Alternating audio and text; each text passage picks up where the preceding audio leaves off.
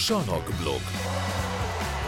Az Eurosport heti tenisz podcastja Szántó Petrával és Dani Bálintal.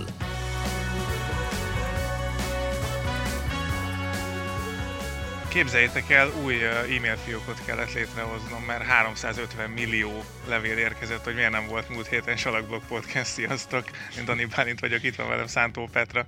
350 millió? 350 millió, megszámoltam, mindegyikre válaszoltam. Jó, akkor nagyon hiányoztunk ezek szerint. Vagy nagyon nagy sikert aratott a saját uh, léverkupánk? Lehet, lehet, igen, Lehetséges. igen. Azt nem tudom, ki nyerte volna kettőnk közül azt a léverkupát, de nem is nagyon tudjuk szerintem felmérni Nehéz így utólag eldönteni.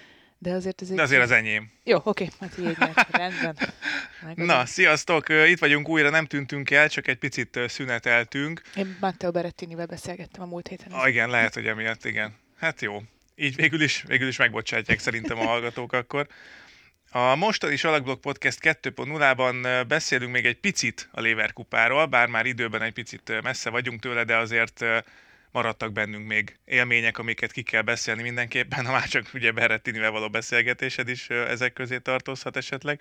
De viccet félretéve utána megyünk tovább, még beszélünk egy picit a versenynaptárról is, hogy miért ilyen a kialakítása, illetve hogy miért így alakítják ki a, a, az őszi menetrendet, hogy azért nagyon sok nagy verseny már nincs az év vége felé. Jó ez így, lehet esetleg máshogy variálni ezt, ezt fogjuk picit boncolgatni, meg hát volt egy csomó konkrétan 3-2-50-es torna is az elmúlt időszakban, úgyhogy ezekről fogunk beszélgetni, na meg a generációváltásról, ami a Léver kupán akkor elkezdődött, most már elkezdődött, tényleg? Hát szerintem már a US, sőt ez már nagyon régen elkezdődött, de hogy, hogy ilyen kézzel, kézzel fogható ö, mintapéldái, azok szerintem most az elmúlt hetekben voltak. Nyilván Carlos Alcaraz US Open győzelmével, a világ elsőségével, de szerintem ez tetten érhető volt a Léver kupán is, hiszen ugye az a, az a világcsapat nyert, amelyik, amelyikben tulajdonképpen egy veterán volt Jack Sock személyében, aki 30 esztendős, 30 éves volt aznap, amikor beütötte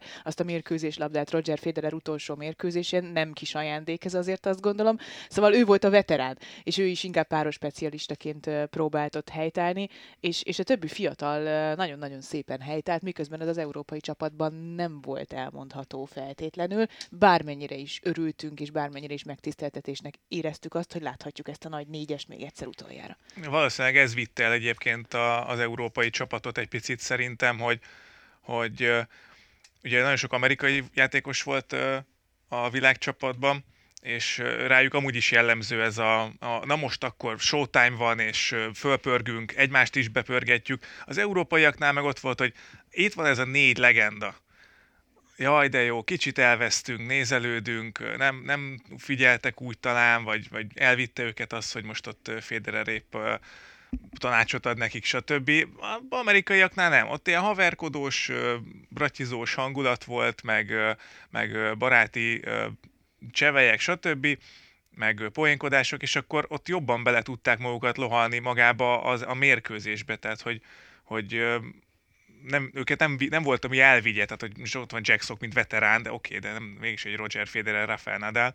Szerintem ott a, a csapaton belüli kohézió az jobb volt, jobb volt. szerintem. Ez teljesen egyértelműen látszott egyébként. Annak ellenére, hogy szerintem az európai csapat is egy nagyon jó hangulatú csapat volt, jó volt figyelni, hogy mindenki jobban Abszolút. van egymással, de ott egy picit talán nagyobb nyomás volt. A, igen. Nagyobb figyelem volt, nagyobb rivaldafény volt rajtuk, és emiatt szerintem mindenki egy picit görcsösebb is volt a kelleténél, mert tudták, hogy ez egy olyan esemény, ami, amit a világ figyelni fog, mindenki minden rezdülésüket figyelni fogja, és lehet, hogy mondjuk ez volt az, ami miatt Stefanos Tsitsipas nem tudta megnyerni azt a mérkőzést, Francis Tiafo ellen, vagy ami miatt az európai csapat gyakorlatilag óriási előnyből a vasárnapot teljes mértékben elveszítette. Mindegyik meccset elbukták, igen, ez, ez meglepő volt azért, mert amikor neki kezdtünk, akkor úgy kezdtük el a, azt a napot, hogy hát, hogy az amerikaiaknak, illetve a világcsapatnak kéne az egyik meccs legalább, hogy ugye menjünk, menjünk tovább majd a délutáni sessionre, vagy az esti, esti sessionre, hogy legyen még esélyük a, a nap végén de hát aztán gyönyörűen behúzták.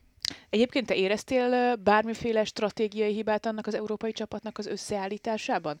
Én azon elgondolkoztam azért, hogy biztos, hogy jó no. ötlet volt-e a, a kapitánytól, Björn Borgtól, hogy mondjuk nyilván ha elsőre azt mondom, én is Novák djokovic játszottam volna azt a, azt a nagyon fontos egyéni mérkőzést, tehát a második meccset Félix Ozsialiassim ellen, mert úgy érezte, hogy, hogy a szombati játék teljesítmény alapján benne van meg ez.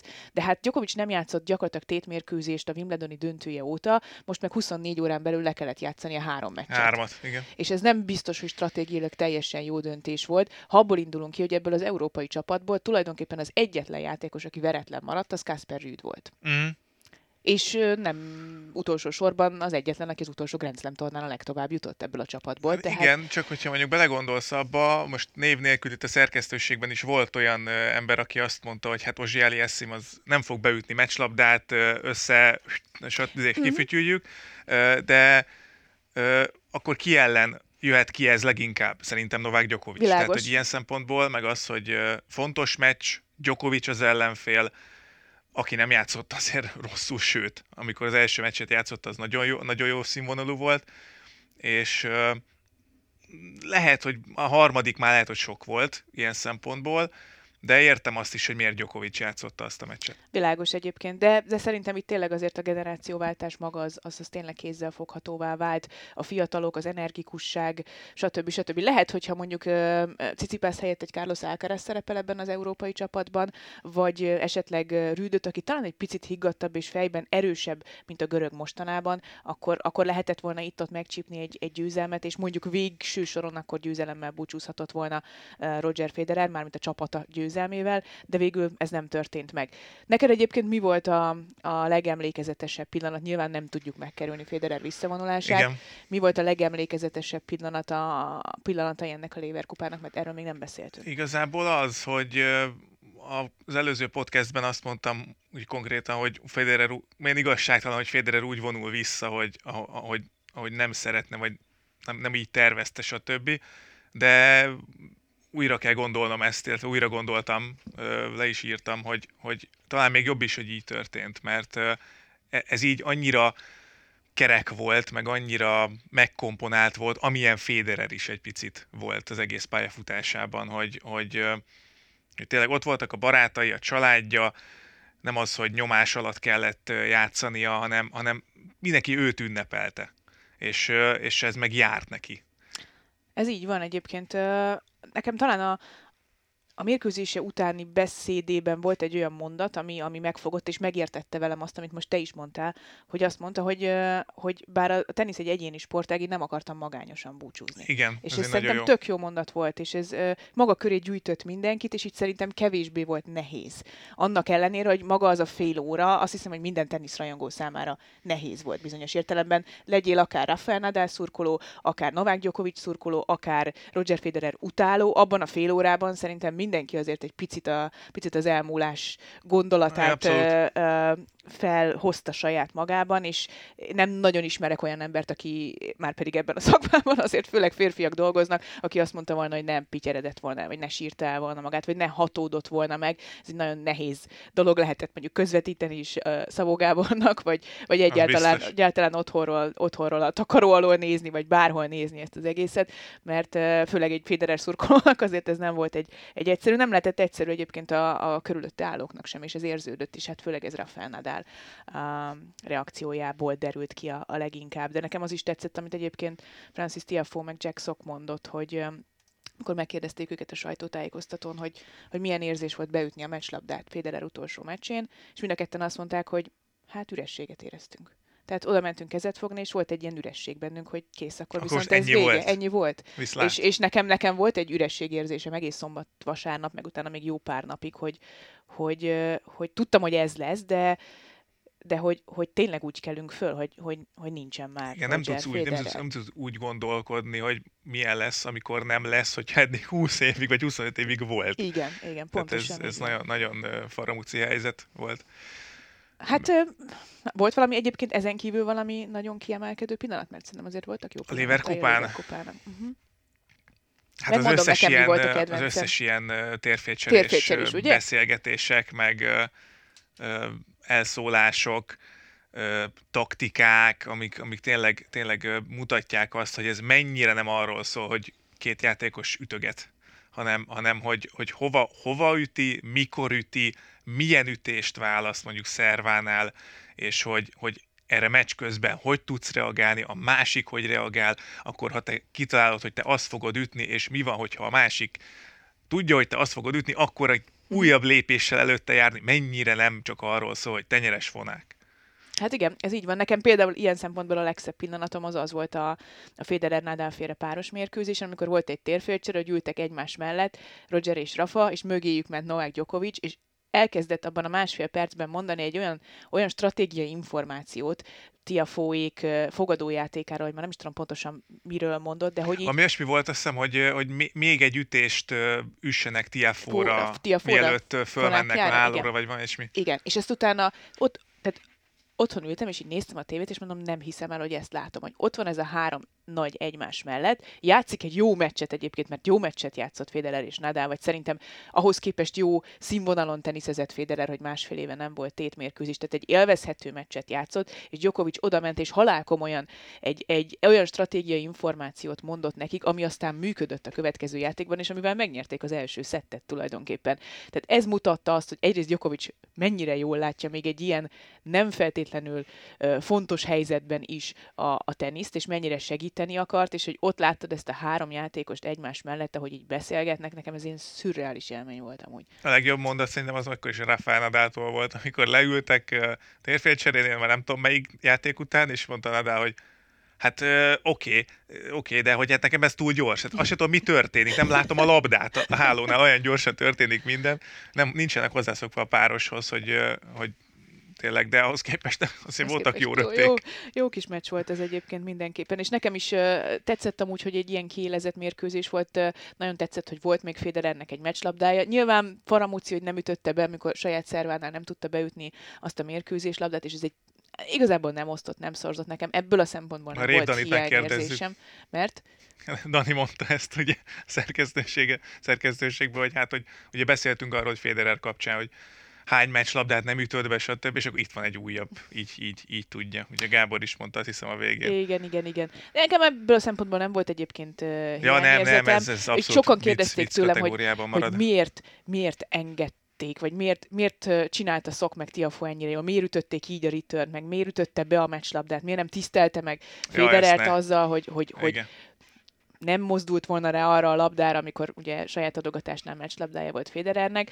de, de igazából szerintem az a lényeg, amit, amit nagyon sokan mondtak is, hogy, hogy pont, hogy ezzel tisztelték meg, hogy versenyhelyzetben ha, verték igen. meg, és nem hagyták, hogy most nyerjen egyet, mert az egy picit talán még megaláz. Nem megalázó is lett volna, de érted, Nincs rá jó szó, igen. Nincs rá jó szó, de, de, de, az a tisztelet jele, hogy kiállsz, és a lehető legjobbadat próbálod nyújtani, Komolyan és veszed. ebben az is benne van, hogy beütött könyörtelenül a meccslabdát Roger hát, vagy ráütöd a testére. Meccsen, vagy ráütöd a testére a return, pontosan pontosan. Tehát ez a tisztelet jele, és, és az, hogy véresen komolyan vette a másik fél is ezt a, ezt a játékot, ezt a mérkőzést, és meg akarta nyerni, és ez végül aztán egyébként szerintem fontos is volt a végső győzelem szempontjából, az azért sok mindent elmond arról, hogy a Leverkupa az nem egy gálatorna, nem egy bulitorna. Mert hogyha az lett volna, akkor most ezt a Leverkupát az európaiak nyerik, úgyhogy Federer is megnyeri a meccsét.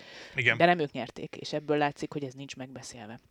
Ez látszik abból, hogy Cicipásznak volt négy meccslabdája Tiafó ellen, és annyira izgult, és ha emlékszel, akkor is mutogatták Féderert, ő is annyira izgult, hogy egyszerűen nagyon nyomta őket a nyomás, és, és, és ebből látszik, hogy ez egy, ez egy nagyon komoly versenyhelyzet volt.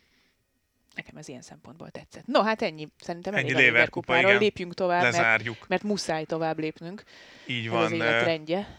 Furcsa lenne, hogyha folyamatosan Fédererről beszélnék még most is, úgyhogy már hát két hete lassan yeah. vége volt a Lever kupának, és azóta hát mi történt? Volt két, illetve három ATP 250-es torna, ahol három különböző győztes született, nem meglepő módon, hiszen egy időben volt a három torna. Furcsa lett volna szintén, hogyha ugyanaz Valaki nyerte duplázik. volna. Igen. Uh, Szöulban Nishioka nyert, Sapovalov győzte le. Az azért meglepetés, mert uh, Sapovalov nagyon jó tenisszel jutott el a, a döntőig. De, de Nishi, én nagyon bírom Nishi jogát egyébként, annyira egy, egy Jól vagány teniszező. Most, ősszel, abszolút. Annyira nem japános egyébként a, a, a személyisége szerintem, ahogy odáll, olyan, olyan kis vagány teniszező, nekem nagyon szimpatikus ilyen szempontból. Kijutott neki már azért, vagy kiárt neki, inkább így mondanám, egy jó torna győzelem. akinek még összejött a torna győzelem, az Novák Djokovic, nem tudom, ismered de a, a szerbeknél játszik, szerbek színeiben. Uh, ha, ja, megvan, ugye? Ja, megvan, ja, ugye? ja, Novák ja. Wimbledonban. Wimbledonban. Sok haja van. Ja, sok igen, haja. tudom. Wimbledon óta most játszott ugye először Tét ATP meccsen. pontért, igen.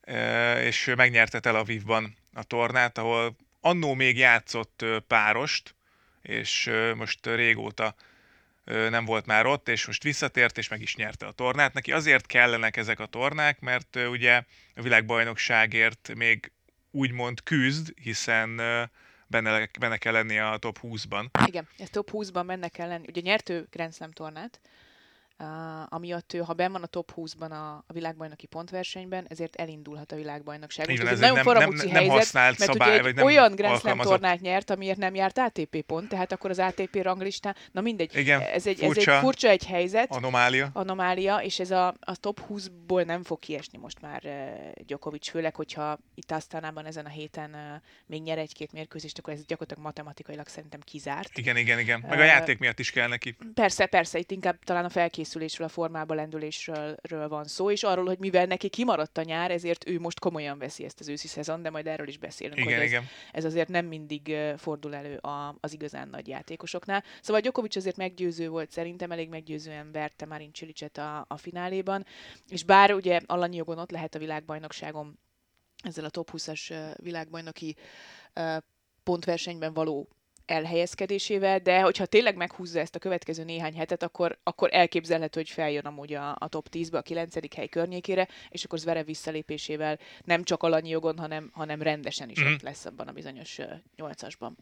Szófiában volt még egy ö, 250-es torna, így az adásunkig bezárólag ott Mark Andrea Hüssler nyert, ami Hát. azért volt érdekes, mert 2019 óta nem nyert svájci teniszező ATP tornát, akkor egy bizonyos Roger Federer volt Hát. az, aki Bázelban tudott nyerni Nem tudod legutóbb. nem visszacsempészni a nevét ide. nem lehet, nem, lehet, kihagyni. De azért ez szürreális, nem? Mark Andrea persze. Whistler az első számú svájci teniszező a férfiaknál. Na, nem, nem ezen a héten, meg nem a tornagyőzelme miatt már elég régen, hiszen ugye Federernek nincs, nem volt ranglista pontja, Wawrinka pedig egyelőre még küzdi magát visszafelé.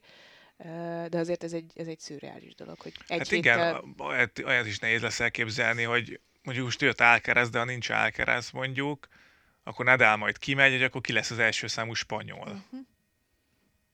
Hát Alcaraz. Hát igen, de hogy Alcaraz nincs, tehát hogyha kivesszük a képből, hogy Ja, most jött értem. egy új Nadal gyakorlatilag, Uh-huh. akkor, akkor úgy oké. Okay. Sokan nem hallottak szerintem Hüszlerről egészen a, a, a múlt hétig, a szófiai torna Ebben szinte biztos vagyok, igen. Ö, én nekem is föl kellett belőle rendesen készülnöm, de hát nyilván Roger Federer volt az ő példaképe, és ő tulajdonképpen nem is nézett ki sokat magából teniszezőként, azért küzdött, hogy legyen esélye bekerülni a Davis Kupa csapatba, hogy együtt játszhasson Wawrinkával, meg Federerrel esetleg.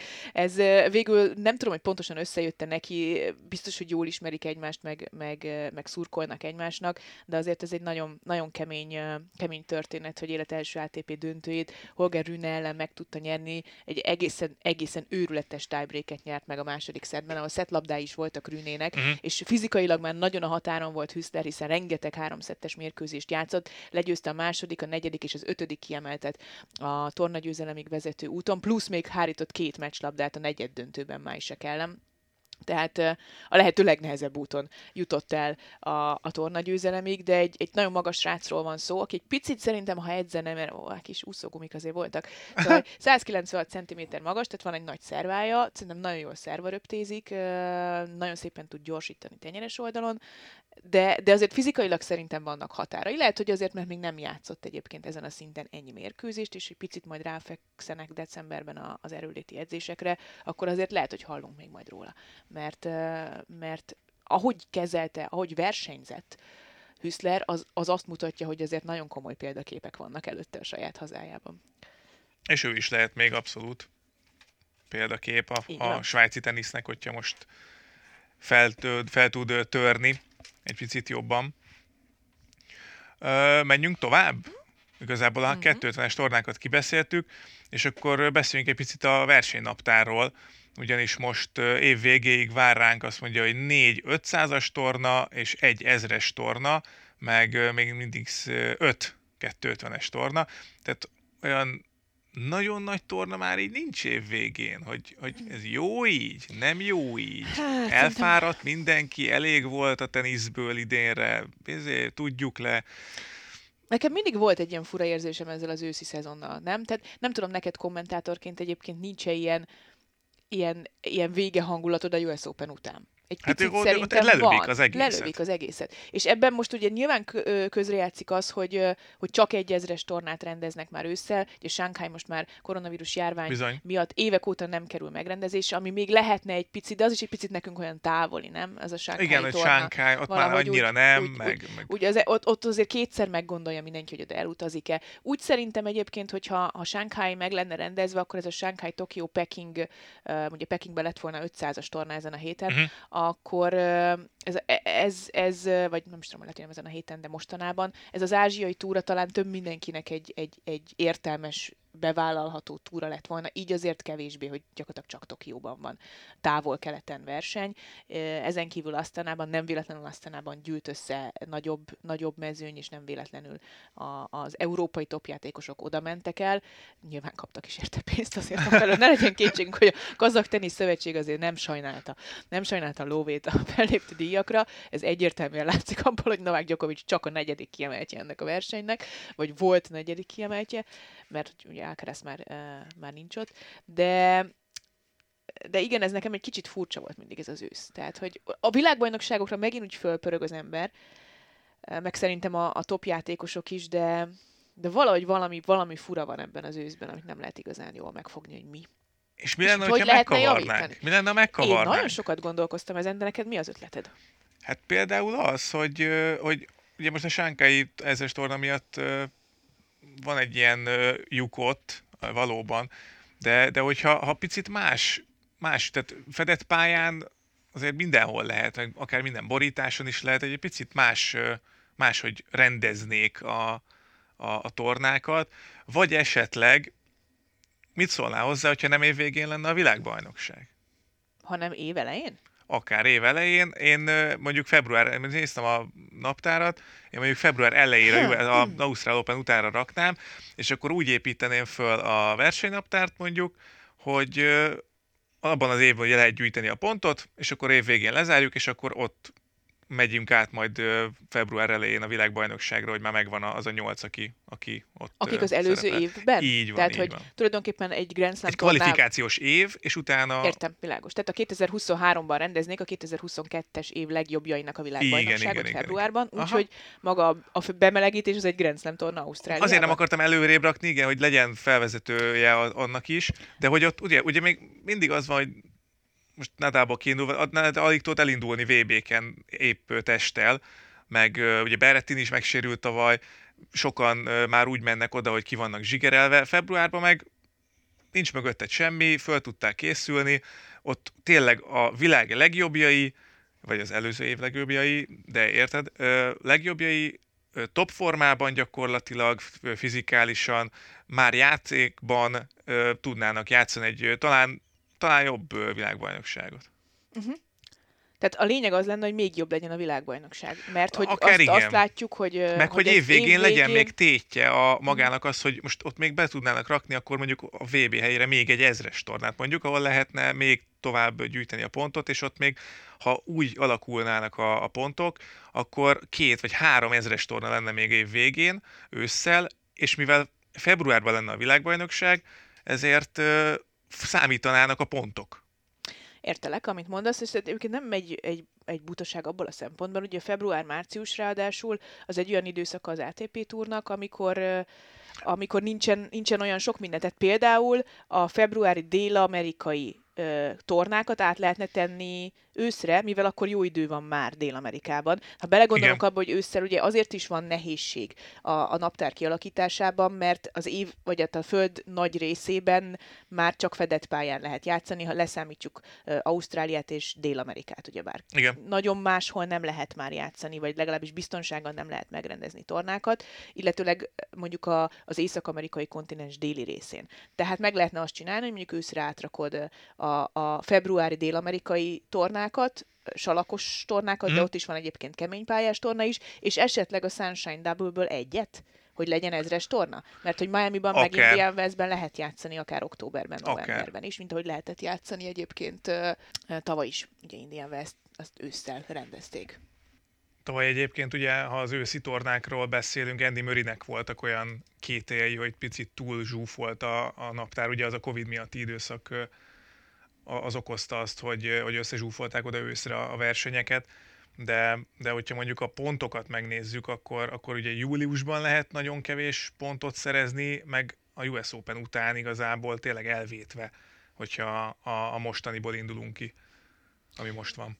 Igen, a fő probléma szerintem azért az, hogy a, az igazán nagy játékosok, főleg azok után, hogy az igazán nagy játékosok már 30 fölött vannak, és egyéb más okok miatt is uh, muszáj nekik azért nagyon gondosan megtervezni a, a naptárt, egész egyszerűen Grand Slam-ekben gondolkodnak. És abban a pillanatban, hogy vége van a Grand Slam szezonnak, tehát mondjuk szeptember elején vége a US Opennek, ők már annyira nem teszik oda magukat, mert vagy kvalifikálták magukat már a világbajnokságra, és aztán, ha egészségesek, elmennek a VB-re, vagy egész egyszerűen tényleg muszáj nekik is már, már nagyon okosan összerakni ezt a naptárt, és ez, ez lehet, hogy nem egy, egy 10-11 hónapos ö, évet jelent, hanem egyszerűen 7-8 hónap van benne egy ilyen kaliberű játékosnak már a szezonjában, ahhoz, hogy azon a szinten tudjon teljesíteni, amit elvárunk tőlük. És akkor viszont hogyha meg berakunk mondjuk még egy ezres tornát évvégére, vagy picit megvariáljuk a sorrendet, akkor meg ugye lehet, hogy ezzel rövidítjük a, a pályafutásokat, majd hogyha nagyon ö, hosszú távlatba gondolkozunk, mert ugye akkor rá lesznek kényszerítve, hogy sokáig játszon, egy, vagy rá, lesz kényszerítve egy játékos, hogy sokáig játszon, mert nem lesz bebiztosítva US Open-nel mondjuk egy, egy világbajnoki részvétel. Szóval tényleg ez kettős dolog, csak így gondolkoztam rajta, hogy gondolkoztunk rajta Petrával, hogy, hogy mit lehetne tenni azzal, hogy ne legyen az üresség érzet bennünk. Igen, ez így van, mert uh, ugye ha azt nézzük, az elmúlt mondjuk tíz év már úgy működik, hogy a nagy négyes közül minden játékos gyakorlatilag fél évet vállalt, legjobb esetben is. Aztán, ahogy egyre több lett a sérülés, meg egyre inkább a, a öregedtek ezek a játékosok, még inkább egyre kevesebbet, és még inkább a Grand Slam tornák köré csoportosult ez a bizonyos felkészülés, illetőleg a, a felvezető tornáknak a, a megrendezése. Viszont azért az is, vagy elindulás rajta, viszont az is számíthat szerintem, hogy ugye megint csak vissza kell térnünk erre a generációváltásra, hogy ezek a játékosok egy-két éven belül tényleg visszavonulnak és kikopnak, és ott lesz egy halom fiatal játékos majd, akik, akikről még azt gondolod, hogy, hogy még bennük van az égség arra, hogy mondjuk végigjátszanak egy teljes szezon. Carlos Alcaráznál például, hogyha azt nézzük, ő szerintem simán végig tud egyelőre játszani még egy, Biztos egy benne én is. hónapos szezont is, és, és végig is akar, mert benne van még az égség, neki még nem kell azért ilyen kompromisszumokat hoznia. Tehát lehet, hogy ez a változtatás, amit mondjuk te ajánlottál volna, ez, ez, ez szintén a generációváltást segíti elő, hogy legyenek egy picit hosszabb szezonok. Mindenki gondolja meg, hogy hova megy, vagy válogassa meg, de hogy mindenkinek minden évszakban legyen lehetősége pontokat gyűjteni, és ezzel lehet, hogy egyébként maga a világbajnoki mezőny is sokkal érdekesebbé válna, mert nem az, hogy van négy Grand Slam győztes mondjuk, meg még meg még egy-két játékos, aki odafér, hanem, hanem sokkal izgalmasabb lenne maga a világbajnoki pontverseny. Most volt egy gondolatom, de tökre elfelejtettem, hogy mit akartam. Ismerős? Ismer, abszolút ismerős. Mennyit szoktunk ezen gondolkozni, hogy miről beszéljünk majd a podcastben, és aztán, amikor hazafelé megyek, akkor jut eszem, hogy mennyi mindenről kellett volna még beszélni. Nekem még egyébként ezzel a februári világbajnoksággal kapcsolatban, vagy inkább talán arra felfűzve jutott eszembe a másik, de ez is valószínűleg hasonló akadályokba ütközne, mint amiről beszéltünk hogy az Ausztrál Open az nem az év elején lenne, uh-huh. hanem, hanem nem a US Open lenne az utolsó Grand Slam torna, hanem mondjuk novemberben lenne egy Ausztrál Open, amikor ugye Ausztráliában már nagyon jó idő van, tehát bőven lehet szabadtéren játszani, és, és akkor, akkor még inkább ki tudnánk ki tudnánk bővíteni az évet. Ezzel viszont ugye az a probléma, hogy akkor mondjuk november és május között nem lenne Grand Slam torna, Igen. még akkor is, hogyha van egy szünet a szezonban, de, de úgy akkor azért nagyon lassan indulna be a szezon, de ekkor viszont lehetne mondjuk januárban rendezni egy világbajnokságot, amivel kezdődne mondjuk, az év. Igen, az, és viszont, lenne, az viszont nem érint minden játékos. Tehát, hogy, hogy sok sebből vérzik azért ez a dolog, és nem véletlenül, hogy így van szerintem jelen pillanatban az ATP naptár, mert egyelőre még senki nem talált ki működő. Valószínűleg nem, nem is lehet olyat kitalálni, hogy, hogy mindenkinek jó legyen. Ez egyértelmű. Esetleg a, a borítás szezonokat valahogy megvariálni? Hm. Mert ugye most arról beszélünk, hogy van egy kemény pályás szezon az év elején, aztán van egy salak szezon, aztán van egy nagyon rövid füves pályás szezon, és akkor onnantól kezdve gyakorlatilag kemény pálya minden. Itt ott, ott azért, azért akad salak Elszórnak egy-egy 250-es Tehát, hogy esetleg úgy megcsinálni az ATP naptárt, hogy minden évszakban mindenki játszhasson minden borításon, nyilván most itt nem a füves pályára gondolok, de mondjuk keményen is, salakon is. Uh-huh. Ehhez kéne mondjuk esetleg a februári salakos uh, mérkőzés. Jó, megvan a gondolat, bocsánat, Na, közben, mondjad, hogy, hogy, hogy ha megkavarjuk a naptárat uh, ilyen szinten, akkor, uh, és kibővítjük, hogy mondjuk a végére is rakunk uh, nagyon fontos versenyeket, akkor lehet, hogy annak fennáll a veszélye viszont, hogy nem látjuk egyszerre a jó teniszezőket folyamatosan egész évben, mert valaki azt mondja, hogy oké, okay, akkor nekem hosszabb lesz a, a tavaszi szünet mondjuk, hogy mondjuk így, és akkor ő majd játszik novemberbe, és akkor lehet, hogy amiatt nem lesz annyira érdekes, vagy nem válik érdekelti egy-egy verseny, mert nem megy el rá mindenki. Most ugye nagyjából azért az ezres tornákon tényleg a legjobbak játszanak, ugye talán Miami volt a, a kivétel mostanában, amikor nem, nem utazott el mindenki, vagy nem utazhatott el ugye mindenki, de, de most ez, ez jutott eszembe így ezzel, ezzel kapcsolatban, hogy hogyha szétszórjuk, akkor lehet, hogy magák, a sztárokat is szét, szétszórjuk picit. Így van, sokkal inkább pol- polarizó... Le, le, le, le, le, polari, Ez most nem fog kijönni. Tehát lényeg az, hogy... Nem ki. nem töröljük ki, nem bemarad ez. Látjátok, hogy mi sem tudunk beszélni néha.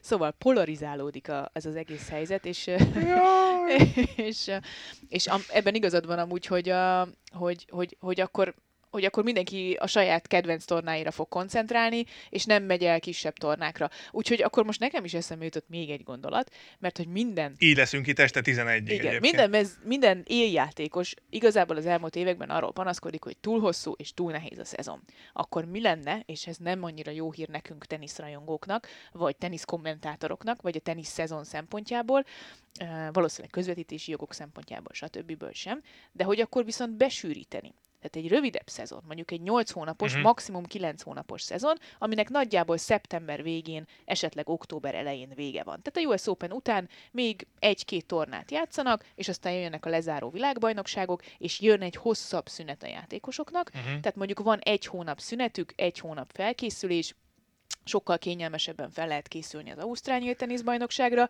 és azért uh, még egy uh, idősebb, esetleg sérülésekkel tarkított uh, vagy sérüléseket nem elkerülő játékos is végig tud játszani nagyjából egy teljes szezont. Hát, De ez ha végig nem jó tud hír. játszani. Tehát most, most nem értek veled egyet, mert hogyha nem, ha, be, ha, ha, be, ha besűríted, az a sokkal nagyobb terhelésnek teszed ki a játékost. Oké, hogy jobban rá tud Akkor pihenni. nem úgy értem, hogy besűrítem, hanem egész egyszerűen skippeljük ezt az őszi szezont. Aha. Uh, esetleg az azt mondom, nem az ATP-nek nem jó. A, esetleg azt mondom, hogy valóban még be berakunk egy ezres tornát, esetleg lesz egy füves pályás ezres verseny. Az mondjuk, az mondjuk hiányzik. Uh, vagy lesz mondjuk uh, februárban egy ezres verseny fedett pályán, tehát mondjuk Párizs, az átkerül oda. Uh-huh. Uh, én nem úgy értettem feltétlenül, hogy, hogy több verseny legyen ezen időszak alatt, hanem inkább ja. inkább rövidítsük le ezt az egyébként néha picit fölöslegesnek tűnő őszi részt, a világbajnokságok Ez jöjjenek előrébb, és mondjuk egy vagy két ezres tornát ide-oda csippentsünk Ha mi számlánkra jönnének a, a pénzek a, a tornáktól, akkor lehet, hogy nem, nem, nem, nem igen, olyan valószínűleg üzletileg ez sem egy jó megoldás, úgyhogy, hát úgyhogy nem, nem tudjuk, tudom, hogy hogy lehet. meg, hogy nektek igen, mi, mi a, van-e ötletetek, vagy, vagy gondolatotok? Kíváncsi vagyok rá, hogy mások erről mit gondolnak. Vagy azt mondják, hogy igen, hogy ez ez, ez még mindig a legjobb verzió, ami mm. jelen pillanatban van, és ezt az őszi szezont is egyébként uh, ki lehet bekkelni, nincs ezzel semmi gond, és most például látunk egy Novák Gyokovicsot, aki ezt az őszi szezont húzza meg, és gyakorlatilag minden nap pályára lép, és képernyőre Igen. kerül, csak azért, mert ő ugye kihagyta a kemény pályás szezonnak egy jó nagy részét ilyen-olyan okok miatt. Hát nem tudom, hogy ez mennyire működőképes, de nem meglátjuk. Igen, tehát nem tudtuk megváltani nem, a világot, nem, viszont van még itt egy egy gondolati sík, amire ráléphetünk esetleg. Mit szólnál hozzá, hogyha megváltoztatnánk a borítását a világbajnokságnak? Minden évben kemény pálya kell? Miért kell kemény pálya? Kikérem magamnak Nadal szurkolóként, miért mindig kemény pályán játszák? Év végén kemény pályán, ez nagyon Hát mert megterhelő. év végén valószínűleg ugye csak fedett pályán lehet rendezni a világbajnokságot. Hát de ott meg azt csinálsz, amit ott, ott salakos pályát nem tudsz lefedni normálisan. Hát a Nagy, fedett csalak az, az nagyon nagy változás a többihez képest Hát világos, szerintem. igen. Tehát, hogy valószínűleg az a Ez célja ennek a világbajnokságnak, hogy az adott szezonból ö, vezessen, vezessen a világbajnokságra. Tehát, hogyha te amúgy egyébként az előző hetekben fedett pályás tornákon játszottál, akkor a világbajnokságot is fedett pályán rendezzék, vagy legalábbis ugyanazon a borításon. Most arról lehet szó, hogyha mondjuk Torino után esetleg, nem tudom, Miami kapja meg a, a Mhm. következő tíz évre a, a VB-t, vagy öt évre a VB-t, akkor azt, azt, azt kültéren is lehet rendezni novemberben, vagy igen, novemberben. És ha mondjuk minden évben, vagy nem minden évben, de mondjuk váltakozó borítást el tudsz képzelni világbajnokságnak, és Egyébként- akkor mondjuk az, az a naptárat is nyilván megkavarná, meg az komoly szervezői feladat lenne, mert mondjuk ha februári világbajnokságból indulunk ki, ott se tudunk ugye minden ö, helyszínen, ö, bármilyen borításon játszani, mert mondjuk ö, Milánóban nem tudunk ö, salakos tornát rendezni februárban nagy valószínűséggel.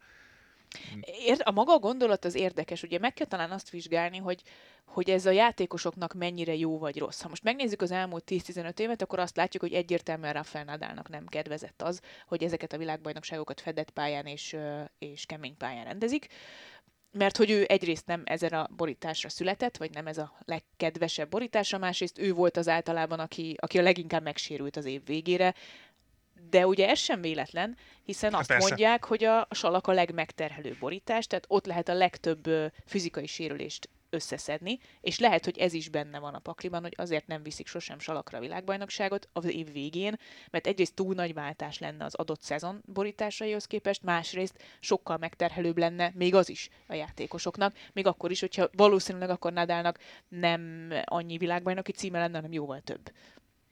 Most azon gondolkozok még, hogy ö, hogy ugye azért, azért is érdekes ez az egész, mert, mert a ke- a kemény pálya gyakorlatilag az nagyjából azért meg tudja oldani a füves borítás tulajdonságait is, tehát lehet nagyon gyors kemény pályát is csinálni, meg lehet egy picit a salakos lassú játékot is mintázni rajta, de ez valóban megmutatja azt, hogy ki a legjobb játékos, hogyha ha csak kemény pályán vagy. Tehát akkor egy keménypályás specialista, hogyha az év keménypályás tornáin úgy szerepel, már pedig azért abból van a legtöbb, akkor, akkor ez megmutatja, hogy ki a világbajnok. Hát Nadal szurkolóként megértem, hogy ezt a kérdést fölteszed. De most úgy elvonatkoztatva nem akarom, hogy ezt rámúzzák majd a hallgatók is. a borítás mutatja meg azt, hogy, hogy ki a világbajnok, hanem maga a lebonyolítási rendszer, hogy Uh-huh. ez egy olyan torna, ami nincs máshol az egész évben. Ez egy egyetlen torna, hogy a nyolc legjobb ott van. Nincs, hogy első forduló erőnyerő vagyok, második fordulóban jön egy selejtezős, a harmadikban egy lucky loser, a negyedikben a, a, nem tudom, nálam 87 helyjel hátrébb játékos. Itt az első pillanattól kezdve top 10-es játékossal kell jó esélye játszanod. Ami, ami szerintem egy nagyon különleges dolog. Egy nagyon más hozzáállást igényel, egy nagyon más versenyzői képességet igényel.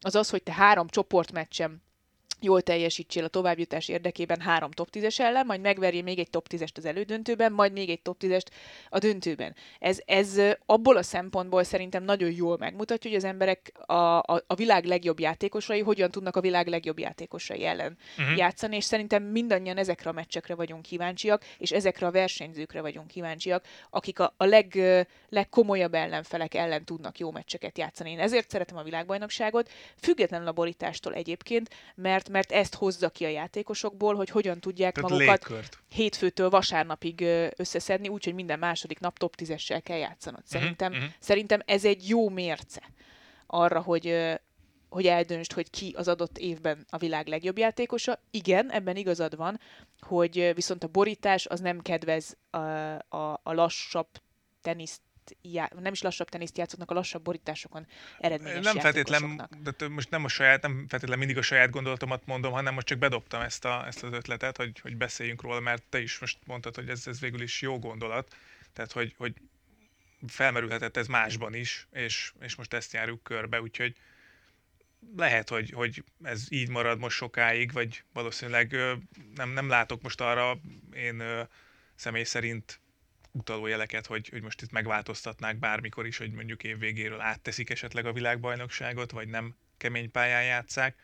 Csak hát így gondolkozik az ember, hogy Igen, már ugye az, hogy, az, jó? hogy könnyítik a szezont, az már ugye az elmúlt, már gyakorlatilag két évtized óta fennáll. Nem három szetre mennek a világbajnoki mérkőzések, nem három szetre mennek a... Hát panaszkodtak is. Nadal is volt olyan, hogy 10, 10, 10 pár éve mondta, hogy komoly lépéseket fognak tenni a játékosok, hogyha ha nem lesz itt változás, mert egyszerűen nem bírják ezt a, ezt a telített naptárat. Pláne nem így, hogy egyre gyorsul a játék. Tehát, Igen. hogy ö, most már azért nézd meg egy Carlos Alcaraz féle játéksebességet, vagy akár a- amint Medvegyev játszik, vagy amint Djokovic is tud, bőven még 35 évesen, azért ez egy nagyon komoly sebesség. Tehát, hogy nem, nem lehet itt szerintem már nagyon, nem reális, hogy, hogy nagyon tágítani lehet ezt a, ezt a szezont. Bármennyire is telhetetlenek vagyunk, nem tehetjük meg ezt feltétlenül, és lehet, hogy hosszú távon nem is jó, mert ahogy te is mondtad, ez több sérülést szül, hamarabb kiégő, hamarabb visszavonuló játékosokat eredményez, és nem biztos, hogy ez a célunk. Az a célunk, hogy itt, itt friss, fiatal ö, játék, ha már egyszer generációváltásnál vagyunk, akkor, akkor akkor a következő években, novemberben is egészséges játékosok álljanak oda a világbajnokságra. Hát nyilván ugye a, a, a sebességgel, meg a tenisz gyorsulásával a, a körítés is, vagy hogy mondjam, a játékosok személyzete is fejlődik, az orvostudományjal minden egyre tolódik a felé, hogy, hogy laboratóriumi körülmények között tudnak készülni és felkészülni a játékosok, akár az edzőteremben, akár bármi, bármilyen más eszközökkel, ami még a szabályok keretein belül van. Itt most minden gyógyszerész figyelmét fölhívjuk. E, úgyhogy igen, a cél az tényleg az, hogy, hogy egy jó teniszszezont lássunk, csak itt az év vége felé néha van bennünk egy ilyen, egy ilyen keserűség már. Egy, egyetértek abszolút, és, és nem találom egyelőre a megoldást rá, azon kívül, hogy mindig várom a VB-t, ami egyébként tök jó. Igen, Tehát ugye a Next. Gen világbajnokságot azt megpróbálták egy picit fölpörgetni. Szerintem ez tök jó, hogy jött egy Next Gen világbajnokság. Ez, Abszolút. eh, ez egy eleve egy különleges formátum, különleges pontozási rendszerrel, de azért ugyanúgy, mint ahogy, ahogy a felnőtt világbajnokság zajlik. És, és, és ha belegondolsz abba, hogy a Next Gen világbajnokságon látott játékosok a következő évben már általában a felnőttek között is nagyon jól szerepelnek. Ugye tavaly novemberben megnyerte Carlos Alcaraz a Next Gen VB-t, kevesebb, mint egy évvel később világ első és Grand Slam bajnok lett. Tehát nagyon szépen megmutatja nekünk, porondra rakja a fiatal játékosokat, és nem arról van szó, hogy hoppá, ki ez a csávó? Ja, Grand Slam-et nyert, oké. Okay. Hanem, Igen, hanem, hanem ott van az, hogy van egy előzmény, és, és, egy, és motiválja ezeket a fiatal játékosokat arra, hogy hogy minél hamarabb egy ilyen siker után, mint mondjuk egy Next Gen VB bajnoki cím, minél hamarabb a legjobbak közé kerüljenek a felnőttek között is. Ugye ennek az lehet az egyetlen hátulütője, hogy, hogy most már annyira fiatal játékosok vannak ott a top 10-ben, hogy kb. a Next Gen VB-re csak a másodvonal megy el, mint ahogy tavaly is így volt, hogy még örülhetünk neki, hogy Alcaraz elment a Next Gen VB-re, Sinner már ment a felső Igen, igen, igen, felnőtt igen. VB-re, ugye tartalékként, és végül aztán pályára is lépett Berettini sérülése miatt. Tehát, hogy ott tartunk, hogy a 19-20 éves gyerekek már ott tartanak, hogy felnőtt VB-re mennek. És, és ha belegondolsz abba, hogy Alcaraznak még lenne kettő, de lehet, hogy három éve. Most 10, igen. 19. Kettő, Kettő éve, éve. még mindig lenne, és még mindig vezeti ugye a Next Gen világbajnoki pontversenyt, mert a világranglistán. Felkészülés, Next Gen, Next Gen BB Ezért ő nem felkészülés. tud elmenni. Tehát, hogy, hogy, hogy nem tud elmenni. Vagy nincs értelme elmenni. tud, uh, nincs értelme elmenni. Már tavaly is necces volt egyébként ilyen szempontból. Nincs értelme elmenni. A színer elmehetett volna, ha akart volna, csak, csak nincs semmi értelme, mert, mert, mert már ő tartott ott, hogy a felnőttek között ott van. De ettől függetlenül szerintem ez egy nagyon jó kezdeményezés, nagyon szépen megmutatja a fiatalokat, megismerteti a világgal a fiatalokat, és, és azért az már a jövőben mutató, amit egyébként ott, ott játszanak. Tehát ezek a e, négy gémes szettek, a gyors játékok, a mi, minden, Hát gyorsítják, ami igen. gyorsítják a játékot, az már azt hiszem, rá hogy sokan, hogy lassú, lassú a tenisz, nem ülnek már le hat órás meccseket, a, rövidíté, a döntőszet rövidítés is. Oké, de ha megkérdezem tőled, hogy, hogy 2022-ben mik voltak a legemlékezetesebb meccseid, akkor a 4-5-6 órás meccseket Hát mert mi mondod, szeretjük a teniszt, de ugye új nézőket akarnak ugye valószínűleg bevonzani picit, vagy, vagy tágítani a, a szurkolói bázist, akkor, akkor most az, hogy elmenjünk egy teniszmeccsre, igen, meddig tart? Hát, nem Majd tudom. jövök valamikor, igen. kettőtől hétig Mhm. mondjuk bármikor vége lehet, mhm. az úgy nem tudnak tervezni, de mondjuk ez, jönnek ezek a négy gémek, meg a, a, az ilyen intézkedések, hát még a Muratoglu féle ö, showdownról, vagy nem tudom, á- hogy volt, Ultimate Tennis Showdown, azt Ez hiszem. valami ilyesmi UTS, volt. UTS igen, igen, de igen, hogy, igen. Hogy, hogy ilyen, azok is szerintem jó pofák, de de, De hogy- helyettesítik az igazi háromszettes Grand Slam teniszt? Mármint három nyert szettre menőt? Erről majd beszéljünk, beszéljünk Ez máskor. egy új téma egyébként. Ez egy új téma, hogy, Fölírjuk. Hogy óriási vita van ugye a tenisz gyorsítása, illetőleg a, a hagyományos, Hagyományok. tenisz között, mert hogy ugye a három nyert szettre menő mérkőzésen alakulhatnak ki olyan összecsapások, és van meg az esélye a hátrányban lévő játékosnak, hogy visszajöjjön, ellentétben mondjuk egy Next Gen világbajnoki csoportmeccsel, ahol egyszer elveszíted az adogatásod, vége kész a szett. Viszont látás. Viszont látásra. Úgyhogy ez még egy nagyon jó kis vitatéma, majd legközelebb erről is beszélünk, majd mondjuk a VB-k alatt a akár, következő akár hetekben. simán, erről. persze, lassan VB, most október eleje van, Uh-huh. Egy hónap és jön a világbajnokság.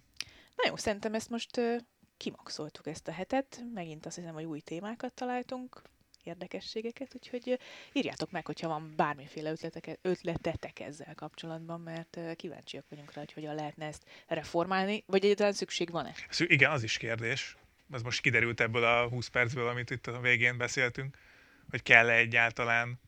Mi bedobtuk, szerintem átbeszéltük a témát, úgyhogy okosabbak nem lettünk, mert valószínűleg nem is lehet okosabbnak lenni. most, mint, mint ami most van, de, de egy ilyen elméleti síkon az, mozogva azért szerintem megérte róla beszélni, úgyhogy köszönjük, hogy hallgattatok minket, jövünk majd legközelebb is. Sziasztok! Sziasztok!